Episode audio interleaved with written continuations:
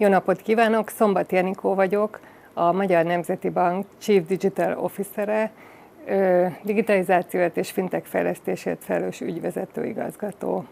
A mai felvezető előadásomban arról szeretnék Önöknek mesélni, hogy a fintek és a digitalizáció területén milyen kihívásokat tapasztalunk most 2020 őszén.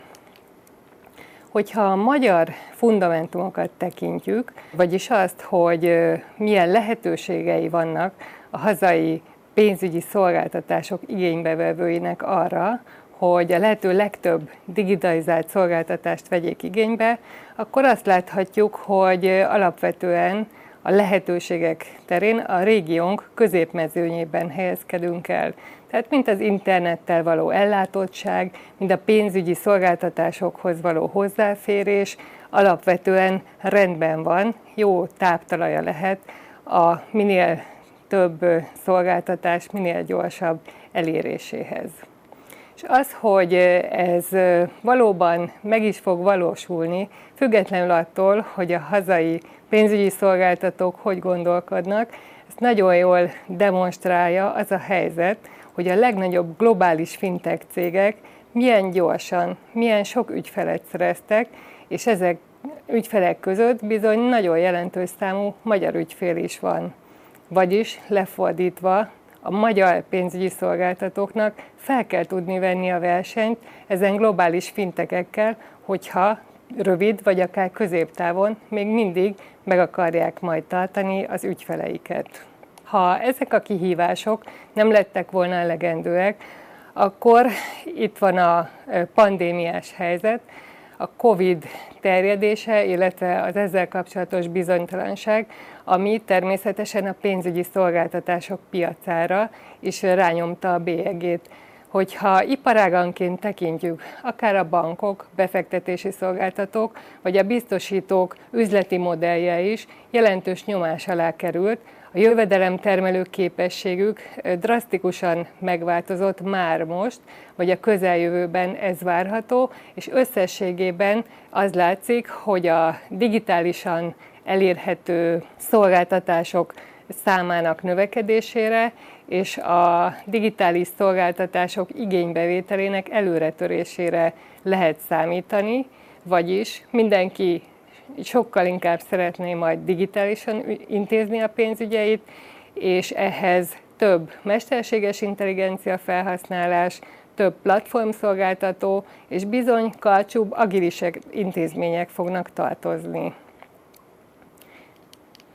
Ezeket a kihívásokat egy nagyon egyszerű és frappáns mondatban a DBS Bank lakossági ügyfelekért és technológiáért felelős vezetője is megfogalmazta, a fintekek és a fogyasztói igények együttes megjelenése és folyamatos fejlődése olyan nyomás alá helyezi az incumbens szektor, amelynek eredményeként igenis a digitális transformációnak fel kell gyorsulnia.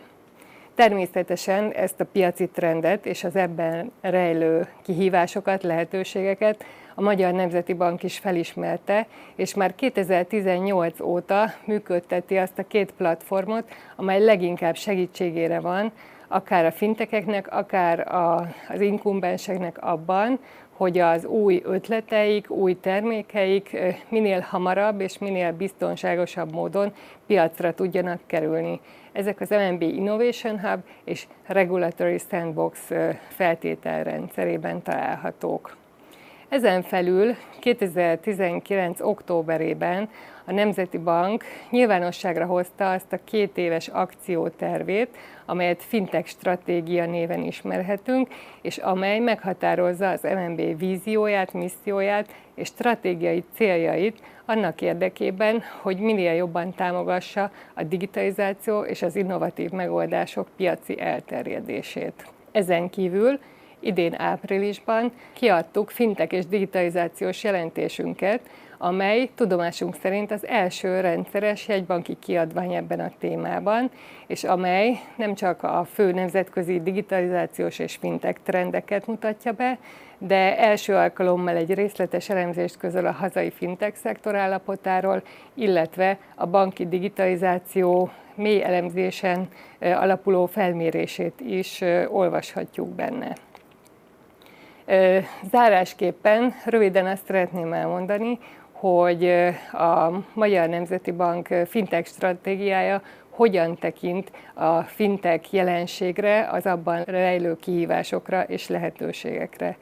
A mi legfőbb célunk az, hogy a hazai fogyasztók minél inkább elérjék a személyre szabott, kedvező árazású és modern szolgáltatásokat, amelyeket biztonságosan tudnak igénybe venni, és ehhez viszont úgy látjuk, hogy nagyon nagy szükség van az inkumbensek digitális transformációjának felgyorsítására.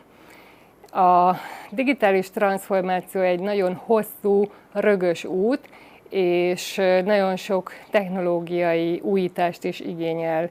Mi azt látjuk, hogy a fintech szektorban van meg az a potenciál, amely akár együttműködések árán, akár kihívásoknak való megfeleléssel, de tudja katalizálni a hazai inkumbenseket, és tudja azt biztosítani, hogy rövid távon is látványos és érezhető eredmények legyenek elérhetők. Emellett nagyon fontosnak tartjuk, hogy az ügyfelek is felkészüljenek erre a gyors digitalizációra, és ezért folyamatos, fokozott figyelmet szentelünk annak, hogy a fogyasztók ismeretei is bővüljenek, a tudatosság meg legyen a választásukban, mindig kontroll alatt érezzék a pénzügyeiket, és emiatt nagyon sok pénzügyi edukációs programunk van, és az etikus magatartás betartására pedig folyamatosan figyelünk. És végül, de nem utolsó sorban szeretnénk, hogy Magyarország, illetve Budapest egy vonzó központja legyen a pénzügyi innovációnak, a hazai fintech szektor nemzetközi viszonylatban is egy jól beágyazott és az újításokra nyitott ökoszisztéma legyen, és ezért például a digitális kompetenciák oktatásában is jelentős szerepet vállalunk. Nagyon szépen köszönöm a figyelmüket! Köszönjük szépen a felvezető előadást Szombati Anikónak, az MNB digitalizációért és a fintech szektor fejlesztésért felelős ügyvezető igazgatójának. Pintér Éva vagyok, a Fintech és pénzügyi kultúra szakosztály alapító elnöke, Corvinus Egyetem docense, a Fintech képzés szakfelelőse, illetve a Corvinus Fintech Center stratégiai vezetője, emellett pedig a Magyar Bankszövetség pénzügyi kultúra nagykövete. Szeretettel köszöntöm a hallgatóságot, a megjelenteket, a kollégákat és a szakembereket, és a Fintech és pénzügyi kultúra szakosztály tematikus kerekasztal beszélgetésének fő témája a vándorgyűlésen a fintek a digitalizáció robbanásának idején. Aki ismer, az tudja, hogy nem rendhagyó módon szoktam megközelíteni a fogalmakat, és éppen ezért most is egy kicsit speciális nézőpontból közelítem meg a finteknek és a digitalizációnak a fogalomkörét. És úgy gondoltam, hogy most egy kicsit a, a játékosság szempontjából közelítem meg. Úgy gondolom, hogy a játék sokkal könnyebben megmarad mindenki fejében. A Tetris gondolom, hogy mindenki ismeri, mindenki hallott róla, mindenki játszott is ezzel a játékkal. Ugye a Tetris az első igazán nagy sikerű és elterjedt digitális játék, amelyet minden platformra kifejlesztettek. A Tetris egy olyan kompozit játék, amelynek a kifejlesztésében a dominó és a, a háromdimenziós Rubik kocka motiválta a fejlesztőt. Végül is a kirakós és a tenisznek az elegye, a dinamikus elegyévé vált ez a játék.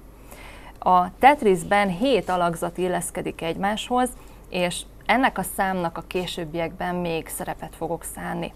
A digitalizáció úgy gondolom, hogy egy újfajta dominó és Rubik kocka, hiszen a digitalizáció minden területen megjelenik az életünkben, a terjedése gyors és folyamatos, mindenkihez elér, és mindenki használni akarja valamire, kisebb-nagyobb sikerrel tudja is használni. A siker pedig azon múlik, hogy mennyire jól tudjuk integrálni az adott működési területeken. A fintek pedig úgy látom, hogy maga a Tetris az a terület, amelyet mindenki kicsit másként közelít meg, attól függően milyen életciklusban, milyen körülmények között találkozik vagy dolgozik vele. Tulajdonképpen ez lett a mai kor nagyon is komoly, szinte véremenő játéka. A pénzügyi terület az utóbbi évtizedben számos változásnak volt kitéve, a technológia fejlődését is beleértve. Szélesedett a termékkör, a pénzügyi szolgáltatók a kiszolgálás minőségével, gyorsaságával is versenyeznek ügyfeleikért. Minél szélesebb az ügyfélkör és minél nagyobb a vállalatméret, az annál inkább motiválja az adat és technológia vezérelt hiperversenyt. Így a finteknek a fogalmát én úgy látom, hogy egyrészt egy olyan alapvető pénzügyi tudás és kompetencia, hozzáállás, valamint egy pénzügyi kultúra együttese jelképezi, amely technológiai ismeretekkel, képességekkel is párosul. Másrészt, ha a pénzügyi szektort veszem alapul, akkor ez egy folyamat és rendszere fókuszú fogalom, amely a pénzügyi ágazat stratégiai technomenedzsment kihívását jelzi. Ugye itt a, a technológia lesz a stratégia alkotásnak a kiinduló eleme a vállalatoknál, és a technológiát és az üzleti aspektusokat kombinálva kell meghozni úgy az üzleti döntéseinket, hogy ezt a vállalati stratégiába is be tudjuk illeszteni. Éppen ezért a szakosztály célja a pénzügyi kultúrának a fejlesztése, az oktatása és egyfajta tudás megosztás, amelynek része a digitalizációs eszköztár és a fintek lehetőségeknek a megismertetése. És ahogy említettem, a hetes szám itt is jelentőséget kap, hiszen mint ahogy a Tetrisben hét alakzat kell, hogy egymáshoz illeszkedjen, itt eh, mi is hét területnek a tökéletes illeszkedésére törekszünk.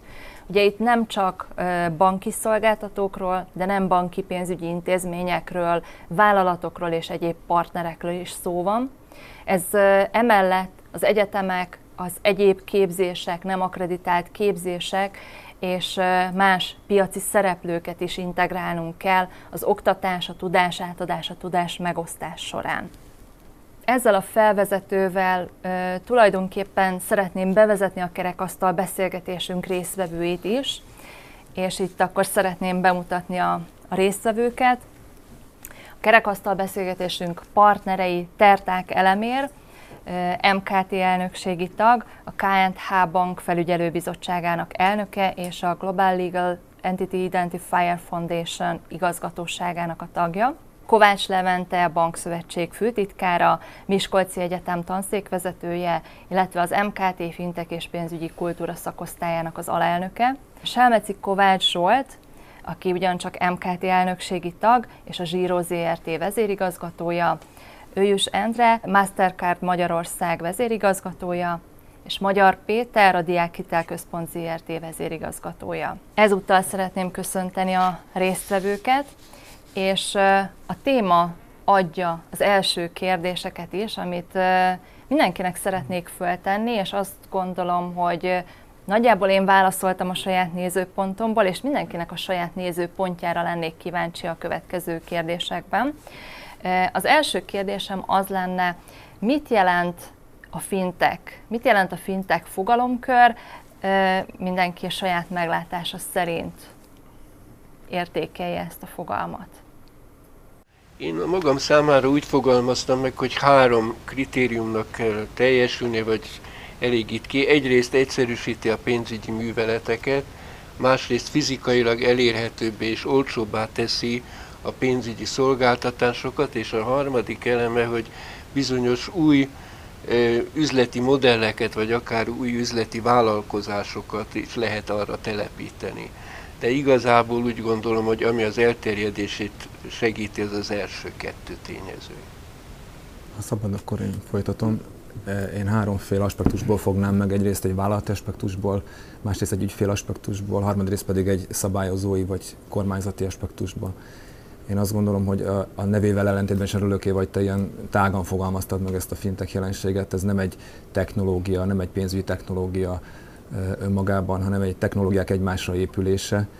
És hogyha szabad az ügyfél oldalra mennem, egy ügyfél élményt jelent. Én azt gondolom, hogy sok mindenben újat hozott ez a, ez a jelenség, de az ügyfélélményben bizonyosan, és ez egy nagyon nagy versenyképességi kérdés lesz minden vállalatnál, még nálunk is egy állami tulajdonú vállalatnál, ugye sokan kérdezhetik, hogy egy diákhitelközpont mit keres ebben a beszélgetésben. Én azt gondolom, hogy a, a válasz elég egyszerű. Ugye mi dolgozunk az Y és Z generációval szinte kizárólag, tehát a mi ügyfélkörünk az a legfiatalabb ügyfélkör, rövidesen az alfa generáció is belép hozzánk, és ha máson nem, akkor a kommunikáción látjuk, hogy micsoda törés van, vagy micsoda változás van az előző generációkhoz képest. Ha szabad egy pillanatra áttérnem a kormányzati vagy a szabályozói aspektusra, akkor pedig azt látjuk, hogy hatalmas kihívások előtt állnak ezek a szereplők. Tehát, hogyha a finteket kicsit szélesebben fogalmazzuk meg, mint technológiai jutásokat, és ide vonjuk mondjuk a tech cégeket, akkor azt látjuk, hogy hát hogy is mondjam, nem csak az államok, hanem akár államszövetség, mint az Unió is hatalmas kihívások előtt áll, és egyelőre erre még nem nagyon tudott választ adni senki sem, hogy mi van a joghatósági kérdésekkel, mi van a nemzetbiztonsági kérdésekkel, mi van a ügyfélpanaszok kérdésével, mi van az adatvédelem kérdésével. Ugye próbál már az Unió is évek óta különböző válaszokat adni, nem sikerült, így most a tagállamok önmaguk próbálnak válaszokat adni. Tehát én azt gondolom, hogy ez egymagában egy, önmagában egy nagyon nagy lehetőség is, hogy valóban megvalósul a negyedik ipari forradalom a pénzügyi szolgáltatók sok terén, ugyanakkor hatalmas kihívások elé állítja a, a core business-t és a szabályozókat is. Tehát ugyan versenyképes versenyre is kényszeríti a szereplőket, de, de hatalmas kihívások előtt állunk.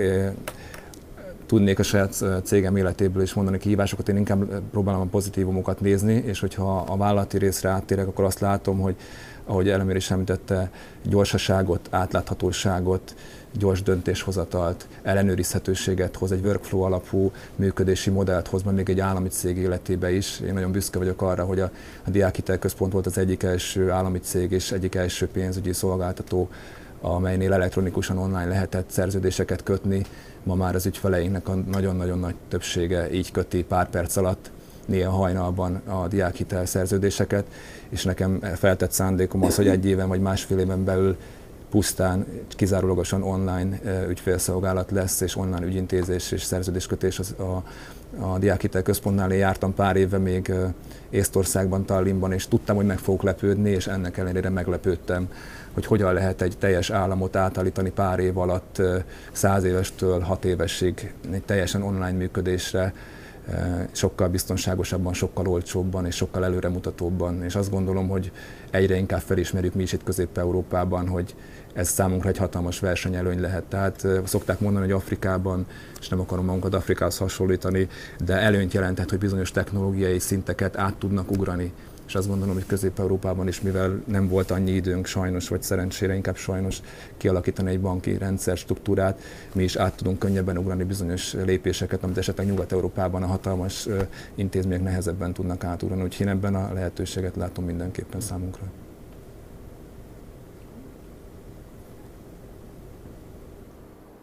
Folytatnám én egy picit, mert az én gondolatom meg ezzel kezdődik, hogy a, hogy a bankszektorról azért alapvetően még mindig egy rendkívül konzervatív, lassan változó, de a biztonságát rendkívül előtérbe helyező iparákként gondolkodunk. Ugye ehhez képest a fintech az egy egészen más, hiszen ott pont a, a gyorsaságon, az ügyfélélményen van szó, és ez jelentett egy meglévő termék vagy a szolgáltatásnak a változtatását, de ugyanolyan sokszor új ötleteket hoznak be, és ez lehet technológia is, de nagyon sokszor, ahogy hallottuk, nem, nem csak technológiai változtatásról van, hanem sokszor csak egy szemléletről, egy új ötletről, egy új termékről, egy új eljárásról, egy másik folyamatról.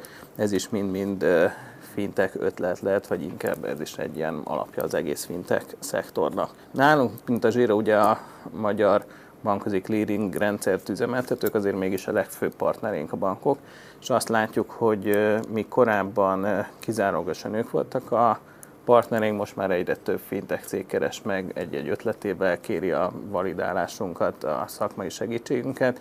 Ezeknek mind mi nagy örömmel teszünk eleget, és a jövőben is így tervezzük.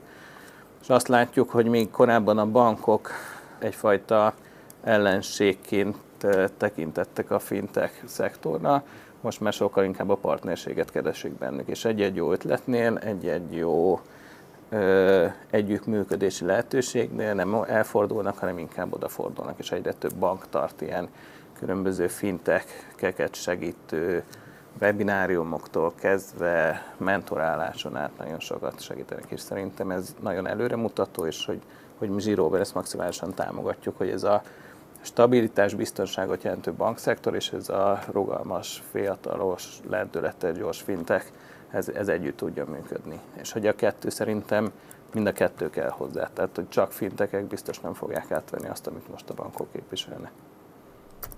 Én erre rá, ráerősítenék arra, amit a Zsolt mondott, hogy ez szerintem lezárult ez az időszak, amíg így a fintekek majd elveszik a bankoknak a kenyerét típusú, ki lesz a jövő győztese, tehát ennek szerintem vége van. Alapvetően ezt bebizonyította az élet, hogy a fintekek nem képesek és nem erre jöttek létre, ők a gyorsan mozgó hadtest, és olyan magasak lettek az ügyféligények, legyen szó lakosság és vállalati részről, bankolás, biztosítás tekintetében, hogy a bankok nem képesek ezt lekövetni, és nem is dolguk. Hanem egyszerűen az a komplexitás, hogy megnövekedett, egyszerre a megnövekedett ügyféligényekkel, pont egy remek homokozót teremtett ezeknek a fintech cégeknek, hogy kicsibe, kipróbálva, gyorsan, nagyon agilis módon tudnak vagy sikerre venni valamit, vagy nagyon gyorsan elbukni. Egy bank ezt nem engedheti meg magának, ő a biztonságos szilárd talajokon álló ö, intézmény, és alapvetően a fintekkel így nagyon-nagyon jól tudnak szimbiózisban, szimbiózisban élni. És én azt láttam, hogy ez a fintek egy kicsit agyon használt szó lett. Tehát, hogy ma már minden fintek, és mindenki az, mindenki azt szeretne lenni, és valahol szerintem ez kezd eltűnni. Tehát ők technológiai alapokon építkező, valami új innovációt létrehozó olyan társaság, aki nem feltétlenül a pénzügyi szektorban mozog, de mégis az eredményt a pénzügyi szektor használja. Tehát elég arra gondolni, mondjuk, ha valaki egy azonosítással foglalkozik, és abban kitalál valamit az pénzügyi szektort érinti, vagy nem? Csak azt érinti, vagy nem? Ugyanúgy vonatkozik az egészségügyre is, ugyanúgy vonatkozik mondjuk egész más területekre is. Tehát véleményem szerint a, a fintekből a tech, ami nagyon-nagyon fontos, és szerintem ők innotech cégek. Tehát ők az innovációt és a technológiát hozzák létre, legtöbbször egy új bizniszmodellel. Technológiai újdonság szerintem ilyen nagy áttörés alapvetően az utóbbi időszakban nem nagyon valósul már meg, és nem is kell hanem egyszerűen a meglévő technikáknak és technológiáknak az összekapcsolása, valami új érték előállítása mentén, vagy pedig egy új bizniszmodellnek az előállítása az, ami igazából az ő legnagyobb hozzáadott értékük.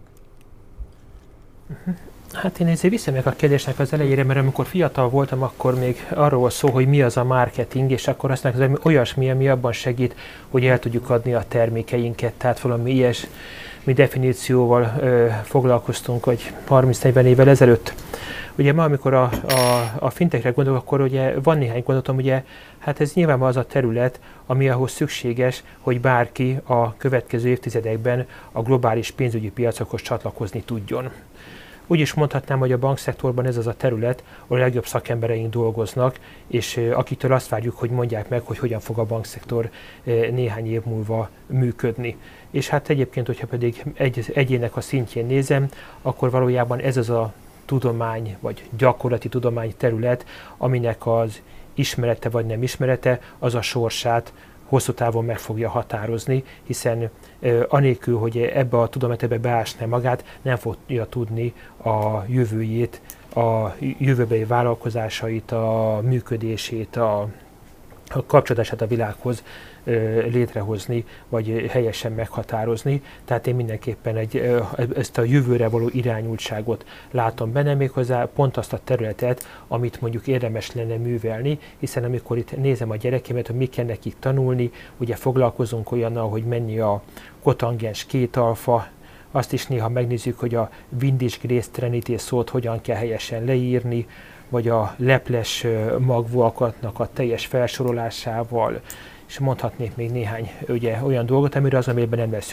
szükségük, ugyanakkor a fintech terület az, amire azt kell mondanom, hogy ha ezzel nem foglalkozunk és erre nem készítjük fel a következő generációt, akkor nem lesz sikeres az ország. Köszönöm szépen. Én, én egy dolgot hadd fűzzek hozzá az összes elhangzó dologra, amiről nem volt szó, az, hogy a fintech létezik és megjelenhetett, annak az alapja az infokommunikációs technológia fejlődése volt, az, hogy megjelent az internet, megjelent a mobiltelefon, és azon belül is az adatátvitel, mert enélkül nem lenne fintek, másfelől, ha ezek az eszközök nem terjedtek volna ennyire el, akkor nem is lenne a fogyasztók részéről igény. Ugye vannak olyan adatok, hogy vannak emberek, elég sokan, akik mobiltelefonnal rendelkeznek, és még éjszakára is maguk mellé teszik a készüléket. Na most ez az intenzív használat az, ami szerintem ezeknek az új fintech megoldásoknak igazán az egyik hajtóereje, hogy van egy hatalmas potenciális bázis, aki ezt tudja használni. Míg nem tartunk eléggé előre, nemrég, egy hónappal ezelőtt a Nemzeti Bank közé tette a pénzügyi verseny, pontosabban a versenyképesség 2020-as jelentést, és abba megrökönyödve vettem észre, hogy például Magyarország még a saját régióban is az alatt van, mint mások például a pénzügyi célokra való alkalmazás terén. Tehát Facebookra használjuk, Amazonra használjuk, és végül még egy dolgot szeretnék mondani, hogy paradox módon a COVID-19, tehát a koronavírus az rengeteg kárt okozott. A magyar gazdaság GDP-je 14%-kal zuhan. De az egyedüli, amiben biztos, hogy pozitív hatása volt, bár ezért nem tarthatjuk meg Szegeden a vándorgyűlésen, az a fintech eszközök alkalmazása volt. Mert nem csak egy keresleti oldal volt, tehát hogy sokaknak van ilyen eszköze, hanem ki is alakult egy kényszer, ami nyomta az embereket, azokat is, akik nem éltek a lehetőséggel, hogy ezt használják. Köszönöm. A finteknek a széleskörű megfogalmazásából is érzékelhető az, amiket hallottunk, hogy azért a mi pénzügyi kultúránkban van még tennivaló, és az oktatásban. Mit tartotok kiemelendőnek, követendőnek, vagy fontos tényezőnek a pénzügyi kultúra oktatásban? Szabad én ezt elkezdeném, mert nekem ez egy ilyen örök szívfájdalmam, mióta ezzel foglalkozom, hogy még mindig nem kötelező tantárgy, nem került be a legújabb nemzeti alaptanterbe se a pénzügyi tudatosságnak az oktatása, ugyan sokat küzdöttek érte sokan, de egyelőre elvéreztünk, ugyan sok fejlődés, nagy fejlődések vannak. A Szabad itt Levent előtt elvennem a szót és beszélni egy pillanatra a pénzirányító alapítványról, amit ugye a Nemzeti Bank, a Bankszövetség és a Diákhitelközpont jegyez. Nagyon minőségi tankönyvek vannak, több százezer diáknak már ott van a kezében, de elég kevés iskolába folyik és nyilván egyről nem kötelező tantárgyként a pénzügyi tudatosság oktatás. És ha szabad egy személyes példát mondanom, én 8-9 évig éltem Brüsszelben, és az én gyerekem a legidősebb, az Brüsszelben kezdte az általános iskolát, és első osztályban a matematikát azt úgy tanulták, hogy először csak sima árutősdét játszottak, majd elektronikus tőzsde szimulációt játszottak, ugyan kérdezheti valaki, hogy hogyan, én azt gondolom, hogy mindent a legfiatalabb korban kell kezdeni, a környezettudatosságot is, és a pénzjutatosságot is, és ha valaminek, akkor ennek lenne nemzetgazdasági hatása. Tehát mi azt látjuk a diákhitel központnál, és hogy a fintekekről beszélünk, meg a technológiai újdonságokról, hogy a diákokat, fiatalokat nem kell oktatni ezekre a dolgokra. Ez, ez olyan náluk, mint nálunk a víz, vagy, a, vagy az írás, olvasás.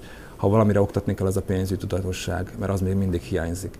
Tehát amikor nekünk 18 éves gyerekeknek el kell magyaráznunk, hogy mi a szabad felhasználású hitel, vagy hogy mi az, hogy kamatos kamat, vagy hogy miért éri meg egy 0%-os kötött felhasználású hitelt fölvenni egy 4%-os inflációs környezetben, amikor 5%-os állampapírt hozamot kell elérni, és megküzdeni egyébként a szülőknek a, az előítéleteivel, és azzal, hogy esetleg inkább elmennek egy kereskedelmi bankba, vagy egy pénzügyi vállalkozáshoz sokkal nagyobb kamatokkal fölvenni hitelt, akkor én azt gondolom, hogy még mindig baj van.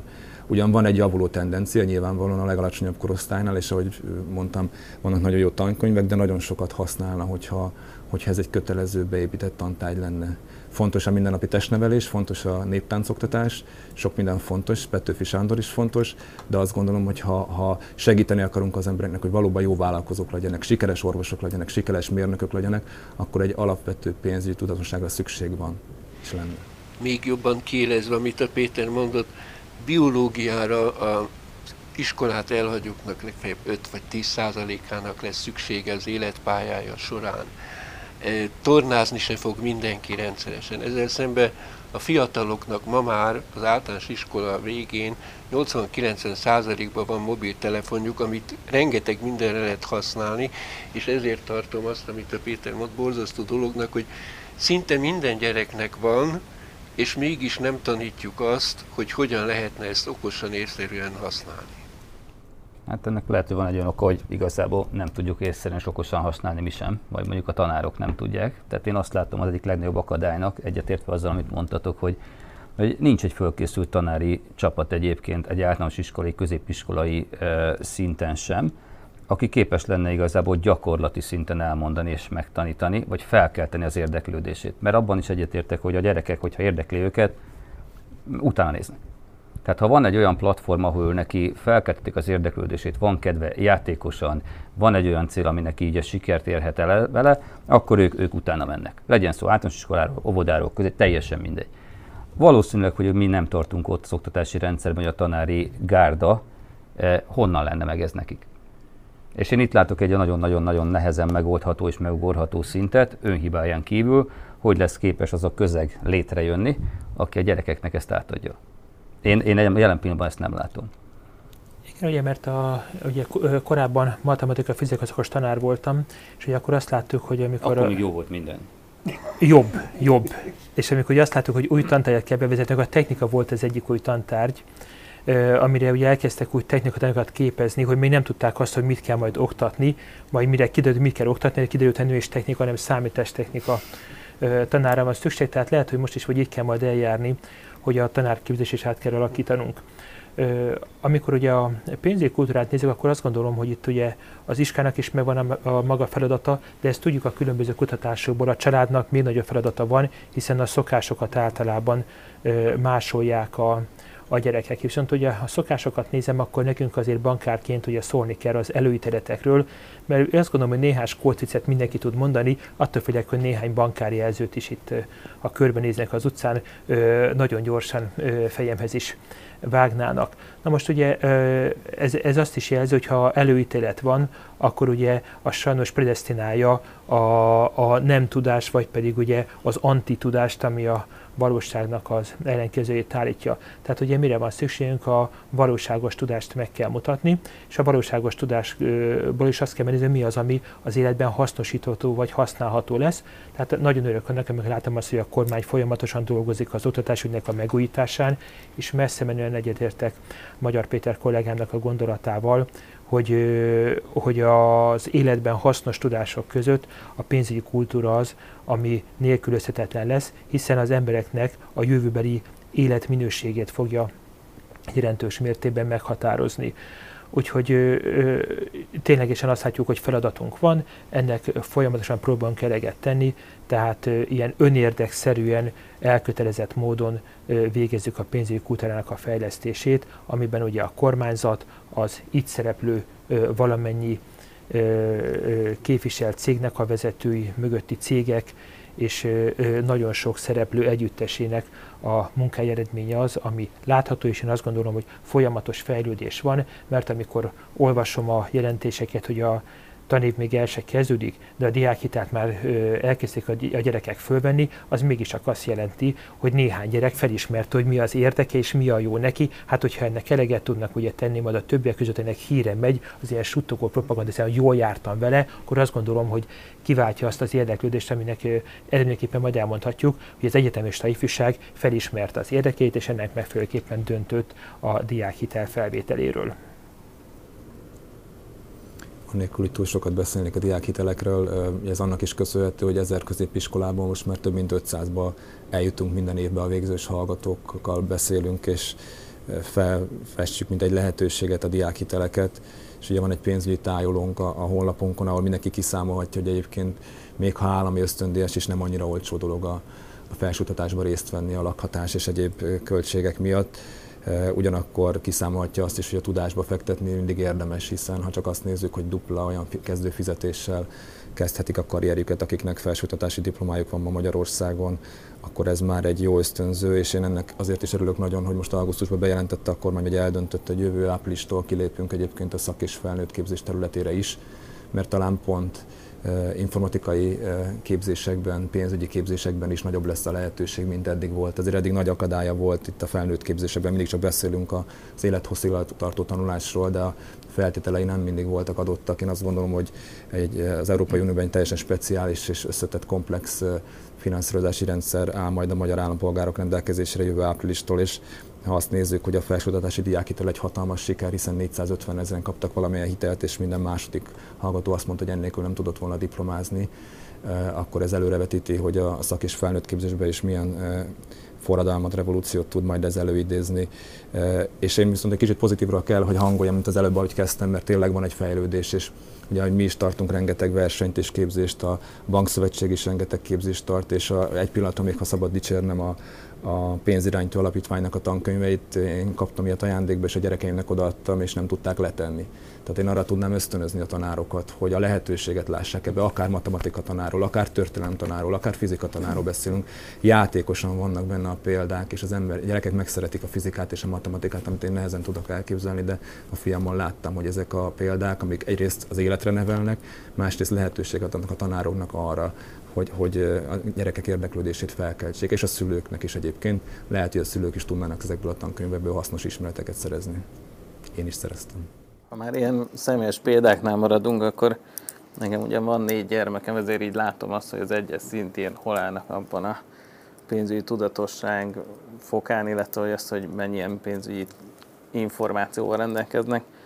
Azt nagyon sajnálom, hogy nálunk az iskolában ott nem tanítanak ilyet és látom azt, hogy egy alsó gyermekemnek a bankkártya egyelőre az, amiből soha nem fogy ki a pénz. Tehát, hogy ők egyelőre így tekintenek erre, tehát, hogy náluk azt, hogy ez hogyan működik, és hogy mi az, hogy számlapénz, és hogy hogyan ez az egyelőre még nem, nem csak egy hosszas magyarázat után érte el a füléhez, de a, az egyetem, vagy a középiskolás lányomnál is az, hogy mondjuk mi az, hogy jelzálnak hitel, vagy mi az, hogy szabad felhasználású hitel, azt még abszolút nem, nem tudta. Tehát, hogy így hogy egyelőre én azt láttam, hogy, hogy amíg nem valósul meg ez az oktatás, amivel maximálisan egyetértek, hogy legalább általános iskolában is egy évet és gimnáziumban is, vagy középiskolában is legalább egy évet tanuljanak a, a diákok ö, pénzügyi tudatosságra való felkészülést, addig, addig otthon a családnak van ebben nagyon fontos szerepe. Hogy, ö, mert mert utána meg ezt elkezdik használni. Viszont azt látom, hogy a használatukban viszont iszonyat bátorság van. Tehát, hogy nem értik, hogy ez, ez egyfajta biztonság tudatossága is kell, hogy párosuljon, illetve egy, egy fogyasztói tudatossága, hogy mi az, amit használok, mi az, amit akarok, mi az, amit nem. És ilyen akár a diákhitel is ugye volt egy szabad felhasználású rész, és ezt is, hogy olyanra használjon föl, ami, ami tényleg építő és a jövőt építő, nem pedig olyanra, hogy a adott egyetemi éveimnek a, a bulizását segítendő pénzügyi forrásra tekintsek erre. Tehát azt látom, hogy egyelőre még ez nem valósul meg, addig a, családon belül nagyon nagy szerep hárul a családokra.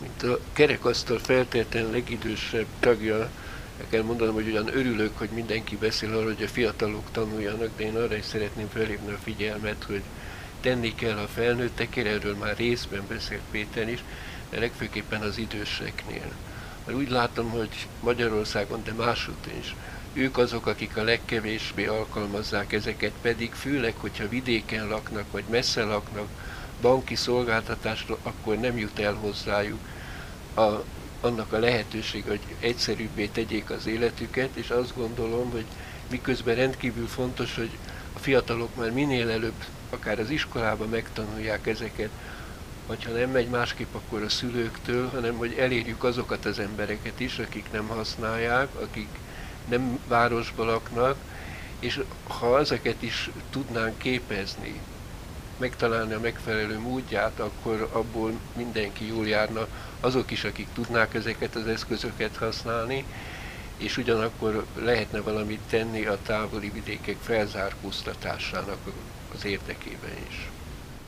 Igen, ez is lett volna az egyik fő kérdésem feléd, mert látványosan nagy a különbség a különböző iskolai szinteknél a gyerekeknek a, a digitalizációs affinitása, képessége, tudatossága.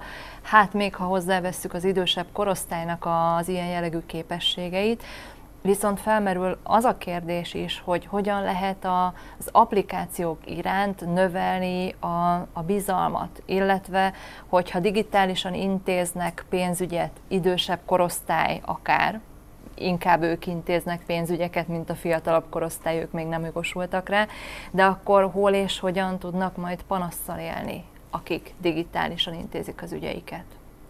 Azt gondolom, hogy jó, hogy ez fölmerül, és magam is fontosnak tartottam volna, hogy erről szó essen, mert nagyon jó dolog megtalál, megtanulni ezeket az applikációkat kezelni, és nagyon sok hasznot hagy, de előfordulhat akár véletlenből is, nemrég olvastam az újságban, hogy egy tíz éves gyerek a, az eBay-en megrendelt egy nagy kamiont, és most a szegény szülők próbálják összekotorni a pénzt a következmények után.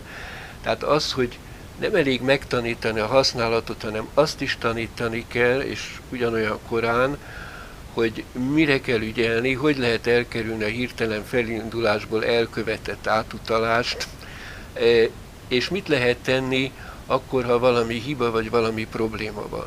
És azt gondolom, hogy ezen a téren még inkább vannak adósságaink, beleértem a pénzintézeteket is, mert abban mindenki sokat tesz, hogy ezeket az appokat használják. Azt, hogyha valami probléma van, hová lehet fordulni, hol tudják kiszolgálni, vagy a panaszt kezelni.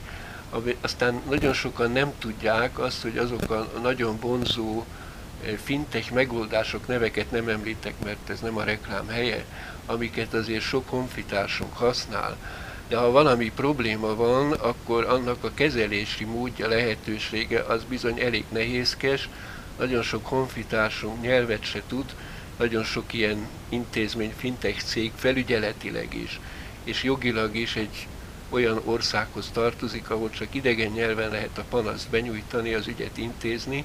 Tehát azt gondolom, hogy amikor beszélünk az oktatásról, akkor nem csak a pozitív használatot, hanem a teljes hogy mondjam, ciklusát a dolgoknak tanítani kell, és erre külön oda kell figyelni.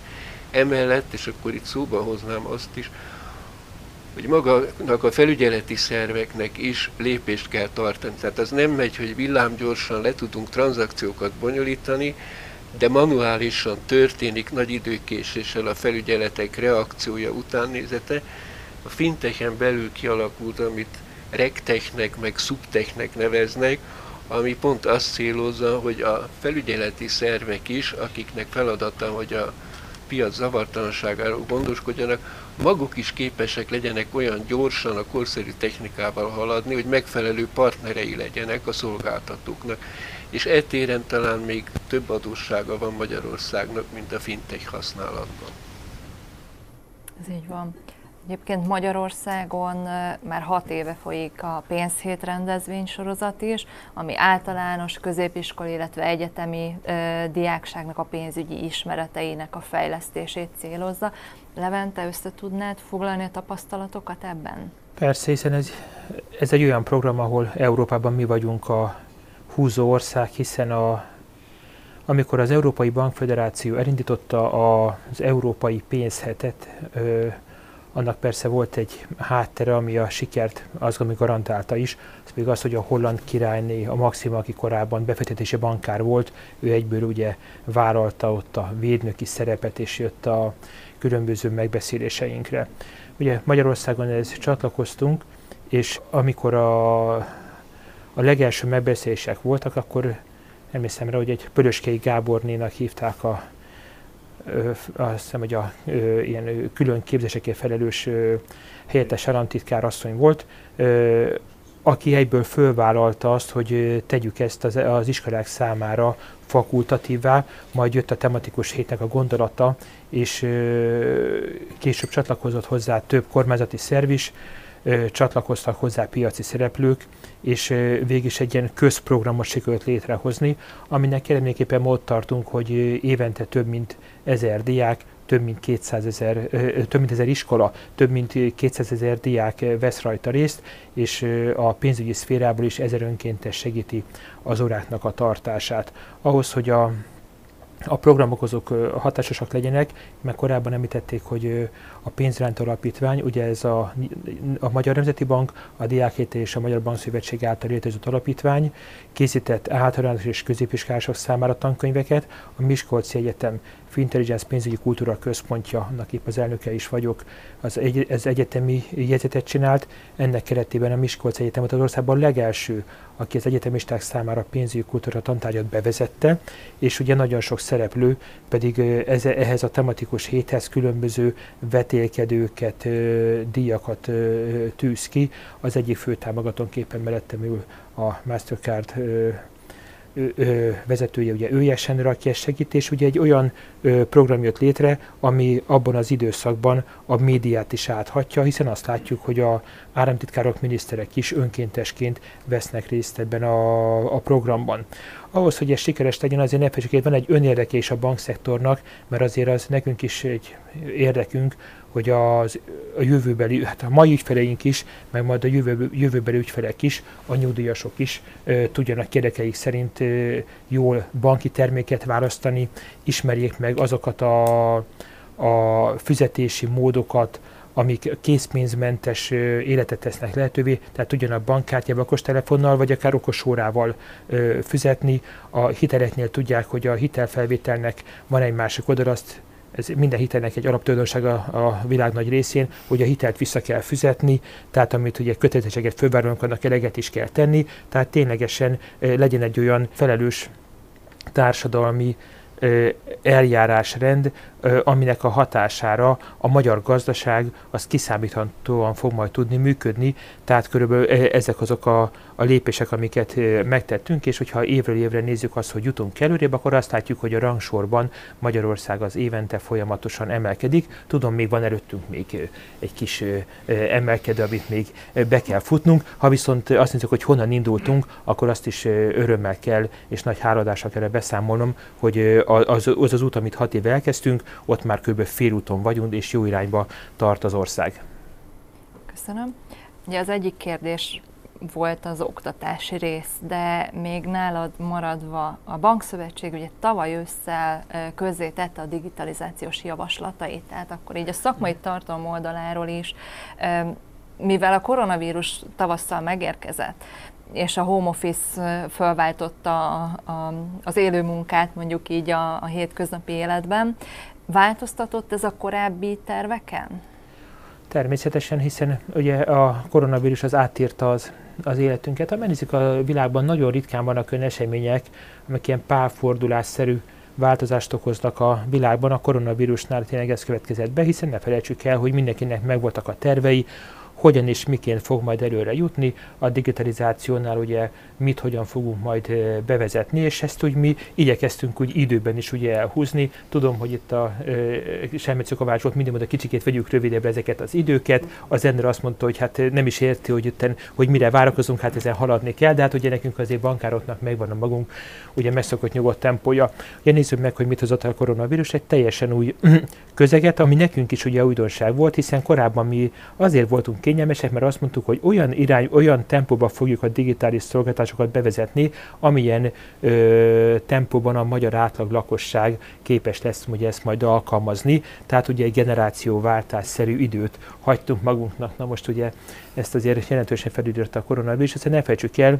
egy csomó munkatárs ugye az home office-ba került, és amíg, oda, és amíg a munkahelyén ott volt mindig egy informatikus, aki segítette az ő ö, ö, benti munkavégzését, hogy ez a munkatárs hazakerült, és kiderül, hogy neki kell néhány dolgot megoldani, esetleg mondjuk telepíteni új programokat, amiket korábban föl sem mert volna vállalni. hát én benézem a saját feleségemen, aki még az okos telefont is csak így óvatosan használta, és azzal szembesült, hogy otthon van öt gyerek, és mind az öt gyerek kér, hogy akkor most ugye hova lépjünk be, és ugye hogyan töltsük el, teszed meg ezt hasonlókat. Tehát olyan gyors digitális fejlődés ment végbe a társadalmi szinten is, a, a feleségek és a családanyák szintjén is, amelyik ugye azt ö, hozta magával, hogy a, a körülöttünk levő világ megváltozott. És hogyha ez a megváltozásnak, ugye nézzük meg, hogy milyen pénzügyi következményei voltak, és ugye hát alkalmanként van, amikor elmondjuk, hogy alkalmas időben történik valami, és ne felejtsük el, hogy március másodikán, hogyha volt alkalmas idő az azonnali átutalásra, akkor is volt, köszönjük szépen, tehát alkalmas időben ezt megtettétek, és tényleg március másodikától csak azonnal lehet utalni. Utána, amikor ugye jött a következő lépés, ugye a fertőzés veszélynél szintén alkalmas időben, hogy hogyan lehet a fertőzés veszélyt csökkenteni, akkor ugye egy Őjes Endre azt mondta, hogy nem is érte, hogy miért vártunk mostanáig, hogy ezt az, az érintőkártyás fizetésnek a limitjét emeljük föl 10 ezer forintra. Ma jött ugye az új pénzügyi szolgáltatás, ugye a beszedési az azonnali beszedési kérelem. Tehát ugye jönnek azok az új technológiák, amik felül fogják írni a korábbi terveinket, és mit látunk? A társadalom az digitális tudásban egy nagyot ugrott előre, tehát számunkra is most, mint bankszektor, mint szolgáltató szektor, egy pont van, amikor ugye nagyot kell ugrani előre. Tavaly mit mondtunk? Tavaly még, amikor megfogalmaztak 22 pontot koronavírus előtt, akkor egy időben ugye ezt elosztottuk a, a előttünk álló feladatokat. Most úgy néz ki, hogy nagyon sok minden felgyorsult, 22 pontnak az egyharmadát már meg is csináltuk, van még vissza egy kevés rész, amit meg kell csinálnunk, és itt lesz benne persze egy kis kormányzati feladat is, hiszen ne felejtsük el, hogy a 22 ponttal együtt megírtuk a kormánynak, hogy kérjük, hogy készüljünk fel a digitális korszaknak a jogszabályrendszerére. Ezt mi ilyen ö, egyszerű bankárok ilyen szükségesnek is éreztük, mert ö, ugye a mi rendszerünk a római jogon alapszik, és korábban ezt többször elmondtam, hogy az a baj, hogy ezek a rómaiakkal hogy digitális korra nem gondoltak és nem rakták le a jogszabály rendszerének az alapelveit. Majd dolgot tudni kell, a digitális korszaknak a fejlesztése, azok nagyon drága fejlesztések. Tehát itt az ötletek megvalósítása az nem ezer forintokban, nem ez inkább milliárdokban mérhető. Tehát nyilvánvalóan mire van szüksége mind a szolgáltatóknak, mind az igénybe vevőknek, hogy lássuk azt, hogy milyen jogrendszerben, milyen alapelvek szerint tudjuk majd a szolgáltatásokat megalkotni. Ma van egy nagyon pozitív reménységem, az pedig az, amit látok, igazságügyminisztérium és a pénzügyminisztérium is magáénak érzi ezt a feladatot, ami azt jelzi, hogy Európában időben talán legelsőként tudunk egy olyan előremutató jogszabályrendszert kialakítani, ami a jövőbeli digitális szolgáltatások jogrendszernek az alapja lehet, hogyha ez megvalósul, akkor Magyarország egy verseny erőnre tehet szert, hiszen a biztos jogrendszerre kiszámítható módon lehet a gazdaságot ráépíteni. Azt hiszem ez annál inkább fontos, mert minden jel arra utal, hogy a vírus miatti korlátozások csökkenése ellenére nem ment vissza a digitális eszközök használata. Tehát amit sikerült elérni, az lehet, hogy egy picit visszaesik, de maradandó lesz, tehát még fontosabb volna ezekben a jogalkotási dolgokba előre menni, és hát persze arra is föl kell készülni, hogy ez nem lesz nyomtalan a bankrendszer egészére is, mert például a fiók használat, a fiók igénybevételnek az indítékai és szerkezete is változni fog, tehát nagyon sok mindent a koronavírus járvány elindított, és ezt most következetesen kéne továbbvinni. Így van, úgy érzem, hogy Levente, illetve Lemér nyilatkozatában többször is megszólításra kerültél, Endre, illetve hát a Mastercard, és az is lenne a kérdésem, hogy milyen technológiai innovációk várhatók, mennyire innovatívak a magyar bankok, illetve az elkövetkezendő öt évben, vagy öt év múlva, mi várható a, a pénzforgalmi piacon, mivel fogunk fizetni? Én még miatt erre így, így válaszolnék, rácsatlakoznék még arra, amit a, a, a Leventes az mondott, hogy óriási változás volt, amit a, a koronavírus hozott, tabuk dőltek le. Tehát banki szinten IT vezetők, compliance, jogi vezetők mondták azt, hogy ezt nem lehet, és hirtelen lehetett. Hirtelen IT vezetők kerültek olyan helyzetbe, hogy eddig, amire azt mondtuk, hogy nem, ezt amíg én élek, a csak a testemen keresztül, és hirtelen a teste átlátszó és átlátszó átjáratóvá járt, és működött. És ezt a gondolatot szerintem nagyon sok mindenki elvitte, fiatalok, kortól függetlenül, idősebbek, teljesen mindegy, ez mindenkit érintett, de nem csak pozitívan. És én azt látom, hogy egy nagyon nagy kérdés lesz, hogy itt a szakadék így a koronavírus miatt nőni fog. Akik digitálisan érettek és így digital native-ként érték az életüket, azok ellépnek most azoktól, akik kevésbé. És akik idáig kevésbé voltak így a digitális világban otthon, hát nagyon-nagyon-nagyon kell nekik teperniük, hogy, hogy egyáltalán utolérjék azokat, vagy csak arra a szintre eljussanak, hogy ők akár versenyben, akár a mindennapokban egyszerűen így, így, így megtalálják a helyüket. És ezt sokszor szerintem hajlamosak vagyunk ezen így átsiklani, hogy nézzük ugye az innovációnak a tetejét, az elejét, legyen az egyetem, egyetemisták, kutatók, nagyobb cégek, akár egy kormányzati intézkedések kapcsán, amiket megcélzunk, és nagyon nehéz az átlagot megmozgatni. És itt a KKV-król is, hogyha belegondolunk, hogy egy KKV-nál, ahol 5-6 ember dolgozik, nincs digital officer, nincs chief innovation, nem tudom, whomever, hanem ott, ott azok az emberek megvan a napi munkájuk, és nem biztos, hogy van idejük, vagy nincs rá esetleg a kényszer, vagy az igény, hogy a nyomon kövesse azt, hogy mi történik a világban. És amíg ez a kényszer nem alakul ki, és itt megint az iskoláknak a szerepét, és egyébként a pénzhétnek, aminek nem pénzhétnek, hanem pénzévnek kéne, hogy legyen, a szerepét szeretném visszahozni, hogy amíg nem kételkedünk, és nem teszünk föl kérdést, hogy ez hogy lehetne másként, miért így történik, mi lesz ebből a következő lépés, addig alapvetően nem fogunk tudni haladni előre. Sem egyéni szinten, sem vállalkozások szintjén, és az a KKV-knál ez egy írtó nagy veszélyt látok ebben, hogy ők nagyon gyorsan fognak tudni most lemaradni. De hogy válaszoljak a kérdésre így oktatás kapcsán, hát a Leventével való személyes ismertségünk kapcsán is én azt gondolom, hogy ez egy, ez egy nagyon megtisztelő felkérés volt, meg lehetőség, hogy mi csatlakozhattunk, azt hiszem első szóra, és azóta is nagyon lelkesen veszünk részt így a pénzhétnek az előkészítésében is, az adott héten túlmenőleg is, és most azon törpölünk, hogy hogy lehetne tényleg ezt kivinni egy hét után, nem egy hétre, hogy lehetne az egyetemista gárdát bevonni, hogy igenis mozduljanak meg, hiszen talán ők tudják legjobban beszélni azt a nyelvet, amit a középiskolások, általános iskolások várnak, még ők vannak a legközelebb hozzá, és hát nem, nem, nem tántorodunk el bármilyen akadályban, úgyhogy mi kitartunk, és ezt folytatni fogjuk, ezt az együttműködést, mert azt gondoljuk, hogy ez, ez, hát ez, ez a jövő. Tehát itt nincs kérdés, ez így alapvető felelőssége szerintem minden magyar cégnek, aki itt Magyarországon működik, függetlenül, hogy milyen a tulajdonviszony a külföldi magyar, honnan jön, teljesen mindegy. Aki itt, itt tevékenykedik, annak az a minimum elvárás felé, hogy ebbe az oktatási részbe be részt vegyen. Méretéhez, képességeihez mértem maximálisan, úgyhogy a részletben nem belemenve mi ezt továbbra is folytatni fogjuk. Én nekem nagyon tetszett, és valóban igaz az, hogy egy leszakadási veszély bekövetkezik. Szerinted mit lehetne tenni ennek ellenében? Mert ezt a veszélyt más aspektusból már én is megszólítottam, de sokkal relevánsabb, amit te mondtál. Ugye, nagyon érdekes a kamaráknak a, a helyzet. Én nem vagyok teljesen tiszta minél is iparág, de nagyon másként épülnek fel az, a, a különböző iparágak. Az iparági érdekképviseleti szervezetek ugye nagyon sokszor ugye akár mondjuk lobby szabályozási szempontból lépnek előre, és nagyon keveset a képzésben.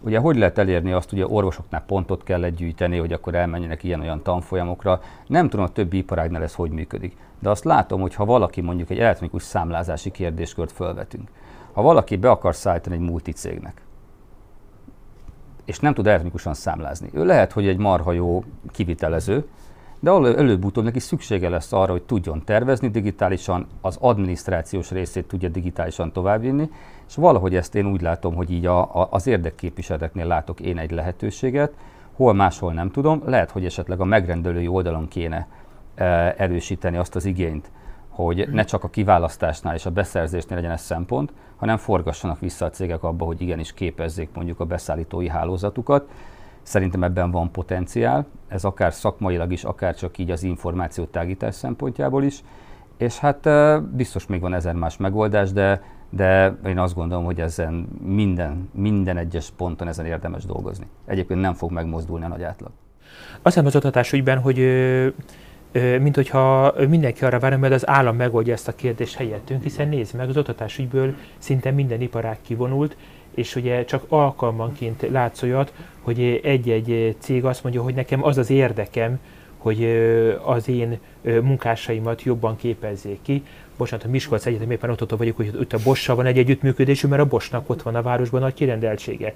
De hogyha mint ágazati szinten, ha vizsgálod ezt a kérdést, akkor ma csak a pénzügyi szférában látod azt, hogy a pénzügyi szféra, mint ágazat, az oktatás ügybe igyekszik ugye ismét jelen lenni, és mit látsz, hogy óriási az igény, és nagyon pozitív minden visszajelzés. Hát azt gondolom, az oktatás ügyben az lesz majd a következő nagy változás, amikor mindenki felismeri, hogy ez nem úgy állami feladat, hogy, hogy nem kell az hozzászólnunk, hanem ugye szerves részévé kell válni a piaci szereplőknek az oktatás ügy, az ügyel. És hogyha ez megtörténik, és ugye ez a pozitív hozzáállás ugye majd megtapasztaljuk az oktatás ügyben, és akkor lesznek majd azok a reformok, amik utána a jövő embereit fog, nek a kiképzésére fogja motiválni a mai oktatásügyet, ami egy kicsikét ugye most távol áll a piaci szereplőktől. Szerintem ebben sok igazság van, és biztos, hogy a bankok is, ez a bank is, ahol tisztségem van, tesz valamit, de azt hiszem a Bandinak abban volt igaza, hogy valóban a kamarákat kéne, mert ugye kamarai tagság az alapvetően kötelező vállalat, tehát elérni mindenkit ezzel lehet, és szerintem be kéne vonni a navot is, hiszen azáltal, hogy egyre inkább a számlázás technikába olyan kötelezettségek vannak meg a jelentésbe, ami ugyancsak elektronika használatát igényli, érdemes volna komplexitásába. Tehát az, hogy elektronikus számlát hogy lehet kezelni, de úgy, hogy az egyúttal a NAV igényeit is kielégítse, mert úgy van értelme, mert különben duplikálódnak a feladatok. Tehát itt teszem, hogy össze kéne fogni, de abban egyetértek, hogy ezt ne az államtól várjuk, mert az mindig a legrosszabb út, viszont valamit tenni kéne. Lehet, hogy a bankszövinek kéne az MKK-val, meg az Agrárkamarával konzultálni, bevonva a NAV-ot, hogy csináljunk együtt valamit az érdeklődő vállalatok. De vagy ha legalább ugye fizessünk elég adót, és akkor úgy járunk, mint a tanár, is csináljuk. mint a tanárom, aki néha azt mondta, hogy neked elég, nekem telen. Úgyhogy... Szabad egy, egy kicsit ellent mondanom, én, én szeretem a jó példákat bevonzani, vagy, vagy használni, és visszautalni Késztországra ahol egy, egy társadalmi vitát tartottak el egyébként elég röviden, és valamilyen csoda folytán sikerült egy társadalmi közmegegyezést létrehozni politikai oldalról, társadalmi oldalról, szakszervezetek oldaláról, kamarák oldaláról, hogy ez egy must, ezt a digitális lépést, egy óriási lépést azt meg kell tenni, és így tudták eldönteni azt, hogy két éven belül átállnak teljesen digitális, abszolút papírmentes ügyintézésre, működésre az egész országban, kezdve onnan, hogy valaki a társasházban a közös mosógépet egy Doodle naptárban lefoglalja, a, az online szavazás, az online receptek, az online ügyintézés, tehát ott nem létezik ma már a, a minisztériumokban a papíralapú ügyintézés, és voltak ugyan ilyen véscsengők, hogy esetleg ez a hacker támadások idején ugye közel vannak egy nagy országhoz, okozhat problémákat, de évek óta működik ez a rendszer mindenféle probléma nélkül, és hogy hogyan tudták ezt meglépni, beszéltünk az idősebb generációról, beültették őket az iskolapadba. 6-8 éves gyerekek közösen tanultak 80 éves emberekkel, aminek volt egy társadalmi kohéziós eredménye is egyébként, tehát hogy a nagyszülők az unokákkal közösen tanulták meg az első lépéseket, nyilván valakinek könnyebb volt, valakinek nehezebb, de óriási eredményeket értek el. Óriási eredményeket értek el a céges világban, ugye nem kell beszélnünk az észt IT cégekről vagy tech cégekről, amiket ugye részben már eladtak, de csináltak újabbakat, és én sem akarok itt most nagyon neveket mondani. Tehát én azt gondolom, hogy néha nem szégyen a best practice-eket lemásolni, és esetleg megpróbálni ebben előrelépni. Talán az oktatás ennek csak egy része de egy társadalmi közmegegyezést létrehozni abban, hogy ez egy nagyon nagy lehetőség ma Magyarország számára, és egész Közép-Európa számára, és meglépni. Lehet, hogy nem kell az államra várni, de az állam ellenében nyilván nehezen lehet ezt meglépni, tehát nyilván szükséges, és ahogy Lebente mondta, valószínűleg egyébként a politikai oldalról is van most egy fogadókészség erre, de mindenképpen be kellene vonni mindenkit, mert való igaz, hogy nem csak a diákokról kell beszélni, hiszen nem őket fenyegeti a legnagyobb veszély, és én egyébként magunk között szóval azt nem értem, hogy volt egy deviza hiteles válság Magyarországon, aminek még azért most is súlyos következményei vannak. Tehát ha valami lehetett egy felkiáltójel, akkor az az volt, hogy a pénzügyi tudatosságot növelni kell, és akkor az IT tudatosság, meg egyébként a tech cégek ott már csak egy második lépés. Tehát, hogy valamit tenni kell, és valóban lehet valamit önkéntesen csinálni, lehet valamit úgy csinálni, hogy vagy használja az iskola a tankönyvet, vagy nem használja, de nyilván néha el lehet dönteni ezt felülről is, hogy holnaptól csináljuk, és megnézzük évente, monitorozzuk, hogy ennek van eredménye nemzetgazdaságilag, oktatásilag, helyben vagy országos szinten. Köszönöm, igen. Szabad erre reagálnunk, szerintem nem mondtuk ki, de én azért úgy érzem, hogy a pénzügyi szektorban ezen az úton vagyunk. Tehát akár az online fizetések vezetése, akár az azonnali fizetés bevezetése, akár az, hogy most január 1-től ugye minden online pénztárgépet üzemeltetőnél kötelező lesz az elektronikus fizetés elfogadása. Tehát, hogy azért nagyon sok olyan lépés történt az elmúlt pár évben, ha bár lehet, hogy ezt így nem mondtuk ki, és nem tűztük ennyire a jogalkotóra is, hogy amit mondasz, avval meg maximálisan egyetértek, hogy ez nem csak pénzügyi szektort érinti, tehát hogy, hogy itt van egy ilyen típusú igény meg digitalizációra, de hogy valószínűleg ezt egy szélesebb körben kellene egyébként tennünk, tehát maximálisan egyetértek azzal, de szerintem a pénzügyi szektor az ezen az úton van. Igen. E, talán a kommunikáció nagyon fontos, tehát amiről nem szoktunk beszélni, hogy másképp kell kommunikálni egy 6 éves emberrel, egy 16 éves emberrel, egy nyugdíjassal, és ez a fintek is hozott egy újdonságot. Ha a diákitel központról szabad beszélnem, akkor mi nem tudunk átvinni 15 másodpercnél hosszabb üzeneteket nem tudunk átvinni fél oldalnál hosszabb üzeneteket. Teljesen más kommunikációra kényszerít, vagy, vagy irányít minket ez a fajta változás, ami a generáció között van, de szerintem ez nem baj. Meg kell tanulni ezzel élni, és, és érdemes a változásokat kihasználni, ez társadalmi, politikai, céges, pénzügyi szinten. Én meg magam szempontjából örülök, hogy jövőre bevezetjük a felnőtt képzést, ahol 55 év lesz az életkori határ. Nyilván másképp kell majd kommunikálnunk és magyaráznunk az egyébként devizahiteleken túllévő tapasztaltabb, pozitív és negatív tapasztalatokkal rendelkező generációnak, mint mondjuk egy 18 éves gyereknek, akinek az első komoly pénzügyi döntés az, hogy fölveszi a diákhitelt, vagy nem veszi föl a diákhitelt. Említettétek azt, hogy a digitalizáció és az informatikai fejlesztésekkel kapcsolatban nagyon sokszor startup cégekre gondolunk de hogy a kormányzat is pontosan érzékeli azt, hogy itt a fejlesztésekben részt kell venni. Például a Diákhitel Központ munkáját segíti olyan fejlesztés, olyan kormányzati fejlesztés, ami kifejezetten a digitalizációra irányul? Hát szerintem számtalan ilyen van, nem véletlen az, hogy mi meg tudtuk azt tenni, hogy bevezettük az elektronikus szerződéskötést, nem véletlen, hogy talán a bankokat is megelőző módon tudtunk elektronikus ügyintézésre áttérni. Ugye az első volt talán még a jelenlévők közül is néhányan használták a Neptun rendszert, ami egy, én bizonyosan, ami egy ilyen általános felsőoktatási információs rendszer volt, most már ugye mindenhol működik. Az ügyfélkapus személyazonosítást ezt össze, összekapcsoltuk, és nálunk ugye a Diákitel Központnál hozzátettük a magunk fejlesztési lehetőségeit, és ezt teszi lehetővé, hogy ma már valaki mobiltelefon telefonon tud egyébként tényleg két perc alatt akár hajnalban szerződést kötni, de hogy milyen pici dolgokon múlik az élet, ugye nekünk, ahogy említettem, másképpen kell kommunikálnunk, nyilván nem printlapokban kell elsősorban hirdetnünk, hanem social médián, és nem akarok neveket mondani, viszont ugye azt mobiltelefonon használják, a, a, a, látják a fiatalok, és eddig én azt vettem észre, tavaly léptem ugye be ez a céghez, hogy nagyon jó, hogy nekünk van social media hirdetésünk, és egyébként tudunk elektronikusan szerződni is, de csak laptopról vagy asztali számítógépről.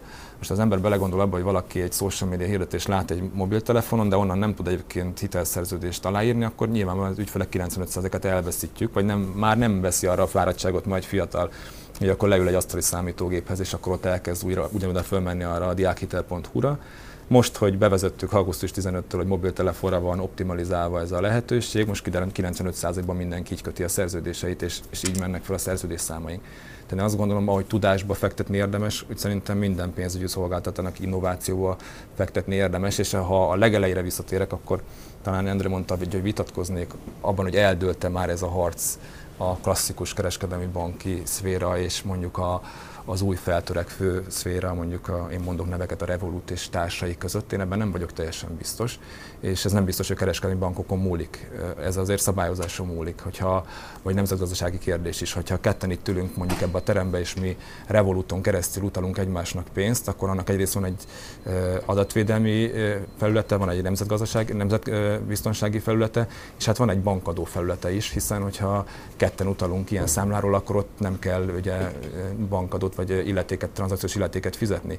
Tehát, hogyha túl sokan elkezdik ezt megtenni, és nem vagyok abban biztos, hogy nem kezdik el, hiszen ez egy kicsit olyan, mint az egészségügyben a vérellátó, vagy a, a, kutat, a, a, az ilyen diagnosztikai ipar, ami a legkivizetődőbb, a leggyorsabb hasznot hajtó része. Nyilvánvalóan a nagy vállalati hitelezés nem fogják átvenni ezek a fintech cégek, mondjuk a, a Revolut, de azok a komplexebb rendszerek, viszont a jól fizető sűrű fillért, azt igenis elviszik. És ez egyrészt probléma nyilván a bankok szempontjából, persze mondjátok, hogy versenyre kényszeríti a bankrendszert, és nyilván van ennek pozitív hozadéka is, de nem csak a bankrendszer szempontjából kell ezt nézni, hogy az elején mondtam, ez tényleg ez egy fogyasztóvédelmi kérdés, joghatósági kérdés, és ez nem a 24. órában vannak az államok, meg az Európai Unió, azon már túl vagyunk, amikor ezt felismerik. Ugye ezek azért jellemzően nem európai cégek és szolgáltatók, amikről beszélünk, és ezek mm, magán túlmutató jelentősége van szerintem ennek a problémának. Teljesen egyetértek és többször előkerült az a fogalom, hogy ügyfélélmény, az, hogy hatékonyság, az, hogy gyorsabb szolgáltatás, de azért ez nem ment volna az azonnali fizetésrendszer nélkül, ugye, ami most már több mint fél éve működik. Mik a tapasztalatok a zsírónál? ahogy a Levente is említette, azt gondolom, hogy nagyon szerencsés pillanat volt az, hogy pont itt a járványhelyzet előtt sikerült bevezetni, és egyébként nekem ilyen személyes tapasztalataim is vannak, hogy olyan helyzetekben, ahol előtte egyébként nem lehetett csak készpénzt használni, ott elfogadtak ilyen fizetési lehetőségeket is. Ez abszolút jó, és, és ez egy óriási sikernek látjuk. Nagyon kellett hozzá természetesen a zsíró is, de hát ugye ezen kívül az egész bankszektor, illetve a Magyar Nemzeti Banknak a közös sikere. Egy ekkora volumenű ilyen típusú rendszereknek a bevezetése az általában azért ilyen döccenőkkel szokott indulni. Itt Magyarországon elmondható, hogy nem volt ilyen döccenő, és hogy ez, ez nagyon pozitív. Jogszabály alkotó egy 5 másodperces határidőt szabott meg, azt gondoltuk, és egyébként ebben személyesen én is egyetértettem, hogy ez az idő elég arra, hogy szolgáltatások épüljenek rá, tehát hogy 20 másodpercet gyakran már mondjuk egy fizikai kereskedő helyen nem fogunk várni azért, hogy ebbe fizessünk, de egy 5 másodperc igen. Ehhez képest egyébként azt látjuk, hogy az első fél év tapasztalatai alapján az átlagos tranzakciós átfutási idő az egy másodperc alatt van. Tehát amikor elindítok egy tranzakciót, és onnan, hogy jóváírják, kevesebb, mint egy másodperc telik el tranzakcióknak a 98%-a az pedig két másodperc alatt megtörténik. Tehát, hogy ez a rendszer tényleg alkalmas arra, hogy, hogy fizetési szolgáltatások épüljenek rá. És ez nem egy-egy tranzakciónál történik így, hanem az indulás óta most már több mint 50 millió darab tranzakció került ebbe a rendszerbe feldolgozásra, több mint 7,5 ezer milliárd forint értékben. A nagyságrendeg azt jelenti, hogy ilyen 400 ezer tranzakciót dolgozunk fel egy átlagos munkanapon, egy hétvégén pedig általában 100 ezeret. Ez is látszik, hogy, hogy ugye a tranzakcióknak már a, a 20%-a az hétvégén van, illetve a napközbeni tranzakcióknak is egy jelentős része az banki nyitvatartási időn kívül. Tehát azt látjuk, hogy nagyjából a tranzakcióknak a harmada az most már tényleg úgy megy át, hogy, hogy egyébként amikor nem lett volna erre lehetőség, hiszen a napközbeni átutási rendszer ugye az munkanapokon működik, nagyságrendeg ilyen banki nyitvatartási időben, tehát hogy tényleg, tényleg volt kézzelfogható hozadéka annak, hogy ezt a rendszert így ilyen sikeresen el tudtuk indítani. Ugye vannak ráépülő szolgáltatások, ilyenek például a másodlagos azonosítóknak a használata, hogy most már lehet úgy fizetést kezdeményezni, hogy nem tudjuk az illető 16 vagy 24 számjegyből álló számlaszámát, hanem elég egy másodlagos azonosítóját jelenleg ugye telefonszám, adószám adóazonosítója vagy e-mail címre is lehet átutalást kezdeményezni, amennyiben ezek az ügyfelek ezeket a másodlagos azonosítóikat hozzá kötötték a saját meglévő bankszámlájukhoz. És azt látjuk, hogy már több mint 65 ezer ilyen regisztráció történt, tehát már 65 ezeren hozzákötötték a másodlagos azonosítójukat a számlájukhoz. Jellemzően alapvetően a telefonszám és az e-mail cím, de van már adóazonosító, illetve adószám is ebben a rendszerben. Tehát hogy ezekre is lehet. Ugye ezek még nem terjedt el annyira használta, mert azt látjuk, hogy azért a másodlagos azonosítóról a történő átutalás az a teljes átutalási spektrumban azért egy nagyon pici töredéke, de elkezdték használni és a jövőben azt gondolom, hogy ezt ez ilyen típusú szolgáltatások, fejlesztések, amik egyébként alapot teremtenek arra, hogy a még hatékonyabb, gyorsabb, innovatív a fizetési rendszer legyen Magyarországon, arra egy tökéletes alapot nyújtanak, és hogy mi is erre készülünk, hogy ilyen, ilyen típusú szolgáltatásokra is, de azt látjuk, hogy a piac is egyébként készül erre. Szóval egy nagy-nagy sikernek értékeljük. Igen, hát július végén jelentették be azt is, hogy azonnali fizetésre épülő mobil fizetési megoldáshoz létre a zsíró, de hát erről még nagyon keveset lehet tudni. Igen, egy ilyen megoldáson gondolkodunk, és az első kérdés talán az, hogy, hogy miért éreztük azt, hogy fontosnak, hogy ilyen piacra lépjünk, és ugye mi is folyamatosan vizsgáljuk és nézzük azt, hogy mitől és hogyan lesznek sikeresek egy-egy fizetés forgalmi területen bizonyos innovációk, és azt láttuk, hogy a, az azonnali fizetés az egy lehetőség, de erre épülő szolgáltatásokat kell nyújtani. És az erre épülő ö, mobil fizetési megoldás viszont akkor volt sikeres azokban az országokban, ahol ez sikeressé vált, hogyha jellemzően egy, vagy nagyon maximum egy nagyon nagy országban mondjuk kettő olyan szolgáltató van, aki ilyen típusú mobil fizetési alkalmazást nyújt. Mert ha minden ki saját magának, akár bank, akár nem bank, saját mobil fizetési megoldást kezd fejleszteni, akkor az azt jelenti, hogy iszonyatosan széttöredezett, nagyon fragmentált megoldások születnek, és az első kérdés az, hogy akkor melyik banknál vagy, milyen típusú kártyád van, milyen típusú megoldásokat, hogy ez akkor most ez milyen üzlet, hogy ennél ezt tudom használni annál azt, és azt látjuk egyébként, hogy most már, ha bár már van két megoldás a piacon, ami azonnalra épülő átutaláson épülő fizetési megoldást nyújt mobiltelefonra, de ezek például nem átjárhatók. Tehát az egyiknél működik, az a másiknál nem. És ha bár voltak olyan országok, ahol ezt fölismerve rögtön közösen kezdték el fejleszteni a bankok, illetve a pénzügyi szektor egy közös mobil fizetési alkalmazást, és ott így vált sikeressé, viszont voltak olyan országok, ahol ilyen széttöredezetten indult, és akkor ez a hosszú évek tapasztalatai alapján egyébként a végén ott is egy lett belőle, csak ezt megfizették ezt a tanulópénzt, és azt látjuk, hogy ezzel a, azzal, hogy ugye alapvetően bankfüggetlen megoldásban gondolkodunk, ezzel ez egy nagy lehetőség arra, hogy, hogy minden bank csatlakozzon ehhez, és minden boltban, minden akár fizikai kereskedősnél, akár az online térben, akár magánszemélyek között, akár cégek között, ez egy, egy egységes, jó mobil fizetési megoldás kerüljön kialakításra Magyarországon. Zsolt, és ezzel kapcsolatban terveztek olyasmit, amit én hosszú éveken keresztül külföldön értem láttam, hogy e-invoicinggal összekötve, tehát a számlát elektronikusan kapod meg, ha rendben van, akkor egy klikkel megvalósul a fizetés, meg az adófizetés, tehát az egész ciklus egybefogódik. Ugye a hosszú távon sok-sok fejlődést, vagy sok-sok funkciót látunk benne. Elsődlegesen nem ezzel készülünk, de a második, harmadik verziónál ilyeneket látunk, és például ezt kiegészíteni mondjuk azzal, hogy akár egy garanciát hozzá lehet tenni, és akkor a fizetés történetemben visszanézve rögtön a garanciás papírokat se kell hozzárakni, hanem például az egy rögtön Hadd had csatlakozzak be ebben, mert tudom, hogy Mastercard oldal ez furcsa, egy kártyátárság miért szól bele így az azonnali fizetésbe, de e, egyébként teljesen megvésed azt, amit, amit az ellenére mondott, hogy mi ebben látjuk a jövőt. Tehát az azonnali fizetésben, ugye mi is gondolkodunk benne, hiszen ez egy nyitott platform, tehát mi kártárságként nyugodtan ráépülhetünk a zsírónak az infrastruktúrájára, ami szerintem teljesen egy hibátlan megközelítés, és folyamatosan elemezzük azt, hogy mit lehetne csinálni. És visszatérve a KKV-hoz, én ott egy óriási lehetőséget látok, de csak is kizárólag akkor, hogyha mondjuk egy fizetési kérelem megvalósul egy nagyon magas ügyfélélmény mellett, számlázással egybekötve.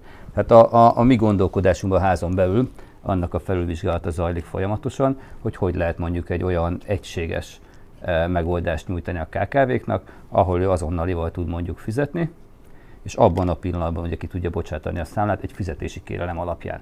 Mert itt ami a, a ugye megkaptam azt a kérdést, hogy hogy fogunk fizetni a jövőben, e, és még nem válaszoltam rá, igazából mindegy. Szerintem nem fogjuk tudni, hogy hogy fogunk fizetni. Tehát alapvetően fizetni senki nem szeret. Tehát mindenki szereti elfogyasztani a szolgáltatást, hogy hogy fizetek, hát igazából gyorsan essünk túl rajta, én, én nem akarok, de biztonságos legyen.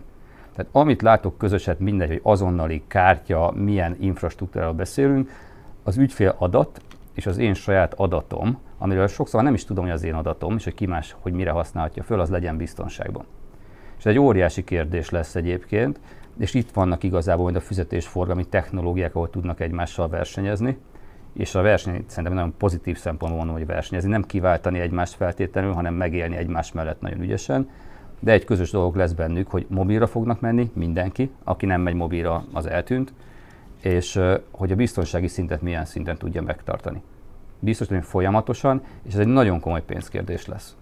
Ugye azt tudjuk, hogy minden fraudster igazából arra megy, ahol a leggyengébb láncszem van. Digitálisan ma adatot lopni alapvetően egy a fizikai fraud megszűnt. Azt lehet mondani, hogy ilyen kerekítési hiba Magyarországon mindig az is volt.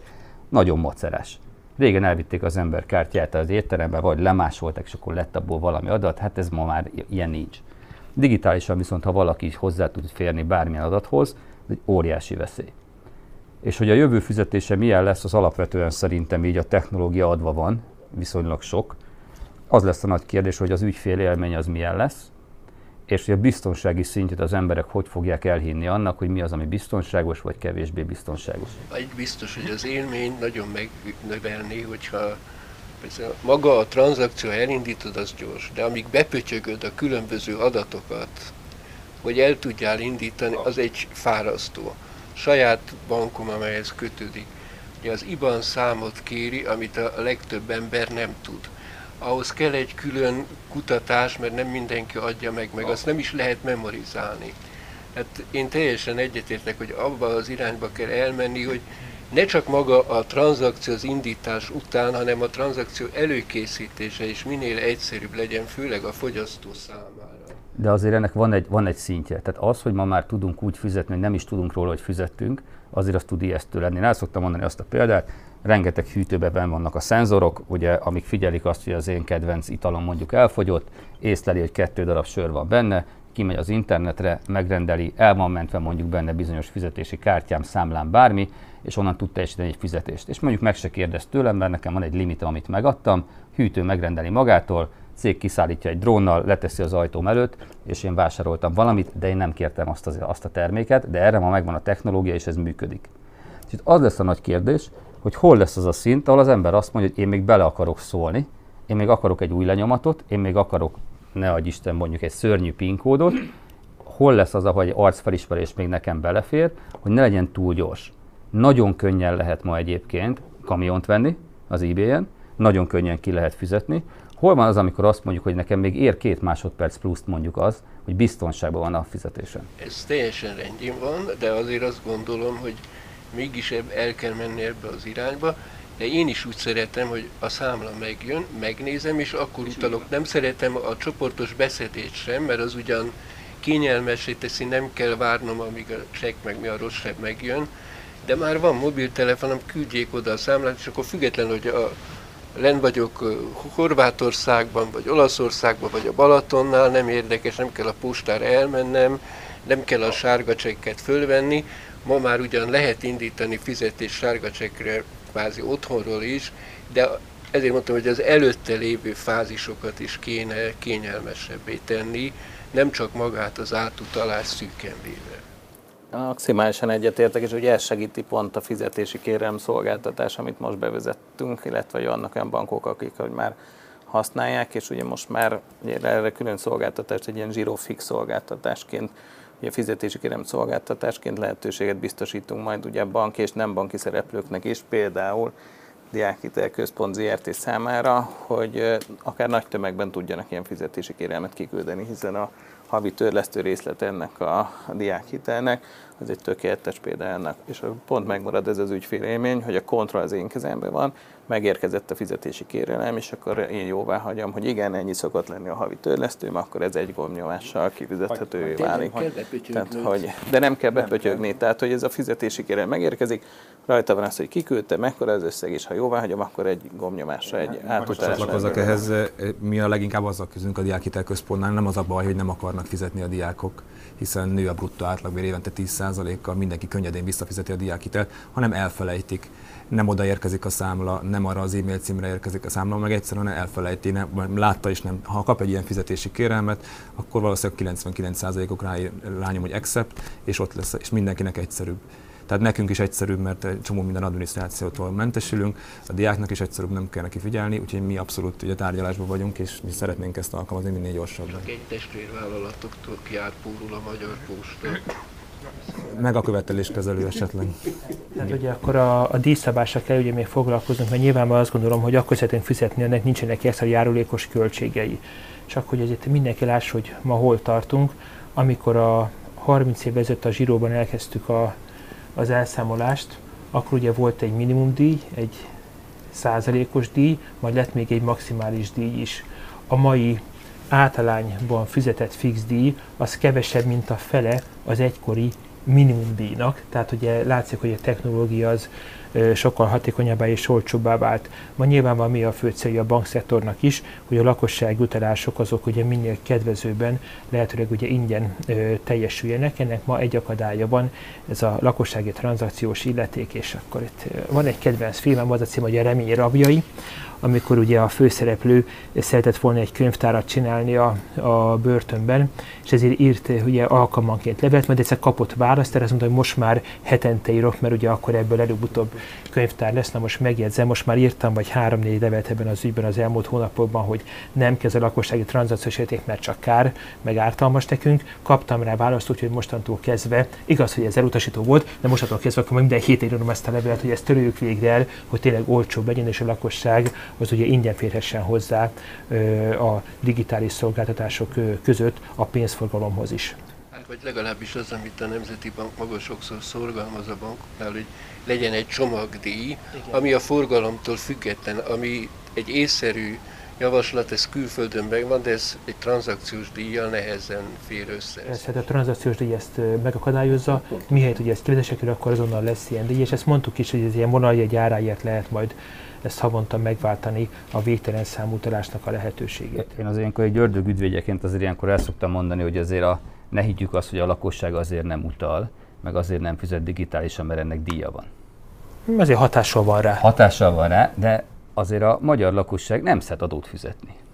Tehát amikor összehasonlítom, hogy mennyi egy utalásnak a díja versus mennyi az áfa, vagy mennyi egy társasági adó, akkor egyszerűen azt a kérdést teszi föl szerintem egy KKV, megint nagy átlagról beszélek, hogy, hogy azért lehetőség van arra, hogyha én nem elektronikusan fizetek, akkor egy bizonyos részét a fizetendő adónak el tudom kerülni. És én valahol azt látom, hogy sajnos ennek van egy ilyen hatása, tehát meg kell tennünk mindent a digitális fizetésnek a hozzáférhetősége, hogy legyen elérhető, olcsó és használják az emberek, de a másik oldalon azért az adózás, adófizetési fegyelem, ami Magyarországon tapasztalható, ott még azért tudunk előlépni. És tudom, hogy nem egy szimpatikus mondás egyébként, de hagyunk a rendszerben azért írtó mennyiségű pénzt, és én egy dologért vagyok egy picit úgy érzem, hogy ez nem, nem fair a, a piaci szereplőkkel, mert aki viszont jogkövető magatartásként megfizeti az adót, mondjuk itt a KKV közötti versenynél, ugye az egy óriási háttér, vagy hátrányba kerül mondjuk azzal szemben, aki nem fizeti meg. Ez alapjában véve elsősorban a szolgáltatás, vagy magas szolgáltatás tartalmú dolgoknál igaz, ahol, mert ahol sok az input, ott a, az áfa elszámolás sajátosságából fakadóan nehéz ezt kis. Maximálisan a KKV-nak is, hogy annak is ugye a mikro, mikro részében látom ezt egy, egy nagyon nagy problémának. Ugyan próbál a NAV rengeteget lépni a digitalizációval, de ezért mondtam, hogy ezt egy komplexabban kéne áttekinteni, hogy legalább ha már adót kell fizetni, akkor legyen egy fogyasztói élmény is a dologba, de ez egy keserves műfajnak látom, de hogy mondjam, ugyanakkor előbb-utóbb szerintem az állam is rákényszerül arra, hogy jobban segítsen, mert tovább már az eddig követett úton az adóbehajtás terén nem nagyon lehet menni. Bocsánat, ugye nem, nem a diákhitel szerepe, de én azért két megjegyzést hagyd tegyek, szerintem adót fizetni sehol nem szeretnek, és most nem akarok nagyon nevesíteni, de ha Görögországról beszélünk, sőt én éltem Belgiumban, és ugyanazt írni az ember, hogy ott azért sokkal fehérebb a gazdaság, én nem ezt tapasztaltam, és a tendencia, ugye ezt is mondtátok, azért Magyarországon nagyon jó. Tehát nagyon sokat tett szerintem a kormányzat is, piaci szereplők is, és most nem kell EK-ről, meg mindenféléről beszélni, de nagyon sok minden változott. Ha csak a számokat nézzük, az adóbevételt, az áfa bevételnek az arányt, az nem csak a gazdasági növekedésből származik, hanem az, a, abból, hogy fehéredik a gazdaság. Nyilván van hova fejlődni, csak azt mondom, hogy sehol nem szeretnek adót fizetni. Tehát, hogyha Görögországba az én sógorom bement egy bankba egy multicég pénzügyi vezetőjeként, és azt mondta, hogy ebbe a bankba szeretné a fizetését utaltatni, akkor megkérdezték, hogy hány százalékát, és amikor mondta, hogy a teljeset, akkor nem akarták elhinni hinni, le akarták beszélni. Nyilván most már ott is változik a dolog, csak nem akarom mindig azt higgyük, hogy Magyarországon olyan szörnyű a helyzet ebből a szempontból, mert Nyugat-Európában is lehet jócskán erre példát mondani, és szerintem, ha a tendenciát nézzük, akkor a számok azt mutatják, hogy ebben nagyon sokat léptünk előre. És én szerintem a, a bankadó, vagy a tranzakciós illeték, bocsánat, azt szerintem nagyobb probléma. Csak azért mondom, ez Endre pont azt mondta, hogy nem, hogy igazából nem ez a, a gátja az utalásoknak szerintem, sok embernél ez a gátja, a sok kicsi utalásnál ez biztos, hogy gátja még egyelőre. Én is ezt mondtam, Peter, hogy a NAV sokat tett és sokat haladtunk előre, de van még mindig mozgástér. Abban neked igazad van, hogy a magas adó az mindig hajtja. Belgiumban magas a jövedelemadó, ott az hajtja, nálunk magas az áfa. 27%-nál már érdemes elgondolkozni, hogy tudunk-e lisztolni. Őszintén szólva, hogy nyilván nagy a csáberő, de abban is reménykedem, hogy ahogy javul az adóbehajtás hatékonyság, hogy előbb-utóbb a kulcsok csökkenése is meg fog jelenni, és akkor nyilván kisebb lesz a kísértés is. Hát tudod, itt szóval ugyanakkor az egész adókérdéshez, hogy azért értem az előnyöket, csak ugye amikor a pénzügyi kultúrát csináltuk, akkor ugye a NAV is azért becsatlakozott, és akkor volt adózási kultúra is, tehát a nekem elég nekedséges ugye, változat, ugye ott is szóba jött, de megjegyzem, ugyanez igaz egy csomó egyéb részre is, ahol ugye azt látjuk, hogy van még hova fejlődnünk, hogy itt van a magyar termékeknek ugye a preferálása, megjegyzem, hogy előfordult az, hogy valamikor a magyar termék a drágább, és mégis ugye az ember a saját hónaipar érdekében a magyar terméket választja. Tehát ezt gondolom, hogy van egyfajta társadalmi érettség, ami el fogja ezt az időt hozni, amikor a magyar termékek mellett tudjuk azt, hogy hozzá kell járulni a közterhekhez. Eznek az, az, az áfa egy nyilvánvaló rész, és azért van, ahol az áfa az nem 27, van, ahol csak 5 tehát alapvetően ez a tisztulási folyamat, az, ahogy látjuk, el is indult, és hát bízok abban, hogy mind a társadalomnak a adózási kultúra fejlődése, mind a társadalmi felelősségvállás egyéni szinten is ugye való megnyilvánulása, az ugye mind-mind abban az irányba hat, hogy előbb-utóbb betünk odáig, hogy hát akkor ugye a gyút is meg marad, és császárnak a császárét, tehát alapvetően ezeket az ősi szabályokat majd mi is előbb-utóbb azért mélyebben fogjuk követni, és hogyha elmész Amerikába, az USA-ba és ott megnézed, akkor ugye mit tudsz, az adócsaló az nagyobb bűnöző, mint aki embertől, tehát ugye nyilvánvalóan azzal többet nem állnak szóba, tehát ugye van egyfajta kiszorítása a társadalomból az adócsalóknak. Ez igaz, nálunk is közzéteszik a legdisznóbb nem fizetőket, azért ettől még nem zárják ki őket a nem, hogy ez kellene. Egyébként csak egy gondolat még ez, hogy a, az, hogy az adónak van erre hatása, én is úgy látom egyébként, hogy van. Tehát, hogy megnézik, és ugye 20 ezer forint alatti lakosságinál nincsen már, és ez már egy jól első kicsi lépés volt, én is azt gondolom, hogy még kellene ezen nagyokat lépni. De hogy igenis megnézik, hogy eh, amikor egy elektronikusan fizetnek, hogy ez neki kerül-e valamibe, vagy nem. Csak nagyon sokszor azt felejtjük el, hogy ha nem így fizetek, az is kerül valamibe. Tehát, hogy ha akármilyen más módon is a, a készpénzed mondják, mert ez milyen jó, ingyen, nincsen ingyen. Tehát, hogy annak is iszonyatosan magas társadalmi költség van. Egy csekk sincsen ingyen, annak a költségét a szolgáltatás árában ugyanúgy megfizettetik, hogy ezekre áttérünk ilyen sokkal hatékonyabb, és nagyon fontos, hogy olcsóbb megoldásokra ez majd az árak, mind a termékek, mind a szolgáltatások árában biztos, hogy meg fog jelenni. Köszönöm szépen, és azt hiszem ez pontosan olyan zárszó volt, ami előrevetíti a jövőbeni panelbeszélgetéseinket. Szóba került Smart Services, Smart Banking, rengeteg okos megoldásunk van, a technológia adott, az innováció folyamatosan dolgozik, dolgozunk mi is ezeken a megoldásokon, és én úgy látom, hogy a pénzügyi tudatosságnak a fejlesztése lesz az a következő lépésünk, amiben a gyakorlatiasságot kell egy kicsit előre vinnünk minden szervezetnek, minden partnernek, minden egyetemi és egyéb oktató szolgáltatónak, és nem csak a magánszemélyeket kell célba vennünk a pénzügyi tudatosság oktatásában, hanem, ahogy itt elhangzott, a KKV szektort is nagyon fontos felemelnünk, hiszen a, a GDP-nek a nagy részét ők biztosítják, tehát figyelemmel kell kísérnünk nem csak az iskolásoknak a fejlődését, de a KKV vállalkozásoknak a fejlődését is. Köszönöm szépen a beszélgető partnereimnek ezt a nagyon értékes és előremutató és dinamikus beszélgetést, és a jövőben szeretném folytatni még ezt a vonalat. Köszönöm szépen a hallgatóságnak is a figyelmét. Köszönjük. Köszönjük.